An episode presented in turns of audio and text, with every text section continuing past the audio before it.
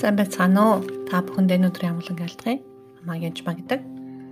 Тэгэхээр энэ удаа бид нэр харьцуултын талаар ялгуурлах талаар ярьж өгье гэж бодсон юм аа. Тэгэхээр хүн болгон Бурхны дүр төрхөөр бүтээгдсэн. Тэгэхээр онцгой бүтээл. Тийм учраас боломжтой бол өөрийгөө бусад хүнтэй битгий харьцуулаарай.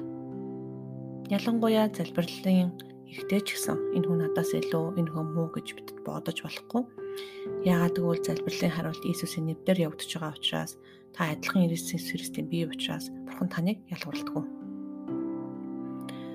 Тэгэхээр чи энэ хүнийг хар өөрийгөө хар гэж загнах ч юм уу а ямар нэгэн байдлаар биеийг нь голох ч юм уу тарган байна, турамхай байна, өндөр байна, намхан байна ч гэх юм уу тий.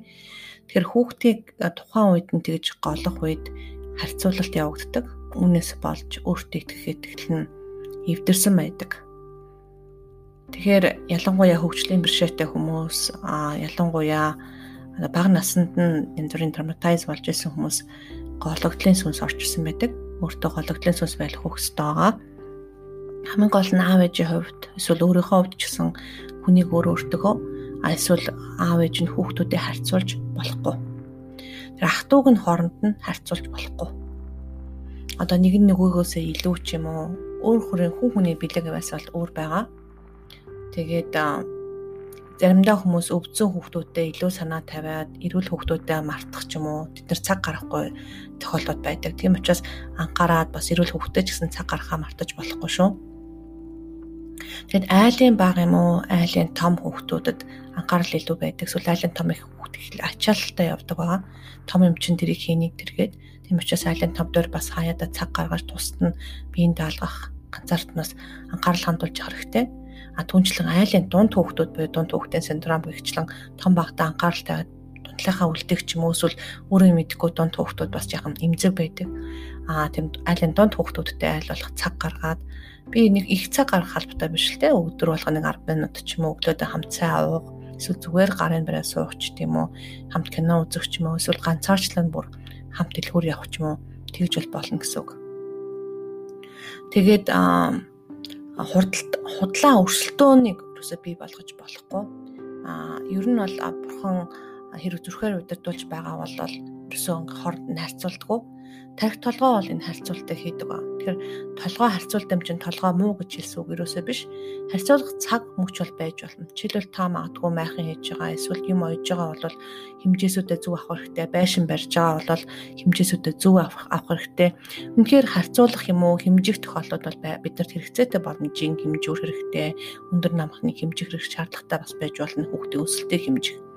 Тэгэхээр тарих толгой хэрэглэх цагтаа хэрэглэх ёстой гэсэн харин химжиж харьцуулахгүй юм дээр химжиж харьцуулсанаас болоод хүүхдүүдийг болон хүмүүсийг өөрөө шахлуулсан байдаг байж байгаа. Тэгэхээр а ягаад ийм харьцуулалтанд орсон хүүхдүүд яад юм бэ гэхээр нэг хүүхдэд анхаарал тавиад нөгөөдг нь хайчаар нөгөө хаягдсан хүүхд маань аав ээжийнхээ анхаарлыг татах гэж янз янзын хийдэг байгаа бүр осол аваард орохч тохиолдол байна. Эсвэл бүр анхаарал татах гэж амиа орлох гэж оролдох байна. Аа эсвэл анхаарал татахын тулд одоо аль бол хамжилтаа авах гал үггээл бүр тэгээд амжилтын төлөө бүр ухаан хатан тэмүүлээд аав ээжтэй сайн болж харагдуулах гэж магтуулах гэж зүтгэж байгаа хүмүүсийг хүүхдүүдээ би мэднэ. Тийм учраас аа бурхнаас хайр ирдэг бөгөөд тэр хүүхдүүдэд болон өөрийгөө бурхан таныг байгаагаас ч хайрладаг гэдгийг бүр юу ч хийгээгүй байхад ч хайртай байсан. Дөнгөр төрөхт нь хайрлаж исэн. Франц ирсэн бэлэг гэдгийг та аав ээж нь ч ойлгох хэрэгтэй. Хүүхдүүд өөрсдөө ч гэсэн том болсон хүн ч гэсэн өөрийгөө ойлгох хэрэгтэй. Яг энэ бурхны хайрыг мэдэх үед бусадтай өөрийгөө харьцуулахгүй болж эхэлнэ. Эсвэл хүүхдүүдээ бас харьцуулахгүй болж эхэлнэ. Бэлгээ харьцуулж хооронд нь болохгүй. Тэгэхээр Галаат 1-ийн 10-ыг уншиж өгье.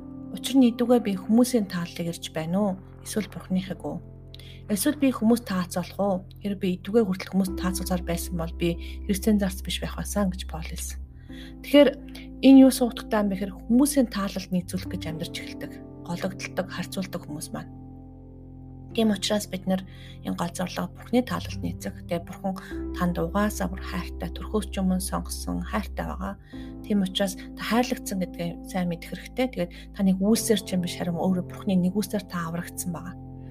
Тийм учраас а ямар нэгэн харьцуултын юм орж ирэх юм бол өөрийгөө гоолох юм орж ирэх юм бол бурхан танд хайртай гэд тэр асуудлуудыг хийх ёстой. Хэрвээ бага насндаа голгодож харьцуулагдаж байсан хүн бол том болсон хонооч гэсэн өөрийгөө голж харьцуулсан хэврэл байдаг зарим хүмүүс ухаантай чадaltaй мундаг мөнгөтэй юу гэдгийг аа эсвэл одоо бил бенжинтэй эсвэл одоо бэлэг ависаар илүү гэж өөрийгөө боддог бол би би шинж биштэй ч гэдэг юм уу тэгж бодож өрөөсөө болохгүй. Та хэрэг итгэгч бол тэр 1 жил байна уу 10 жил байна уу үл хамраад бурхан таныг адилхан сонсно. Итгэж болохоос ч юм хүртэл сонсно.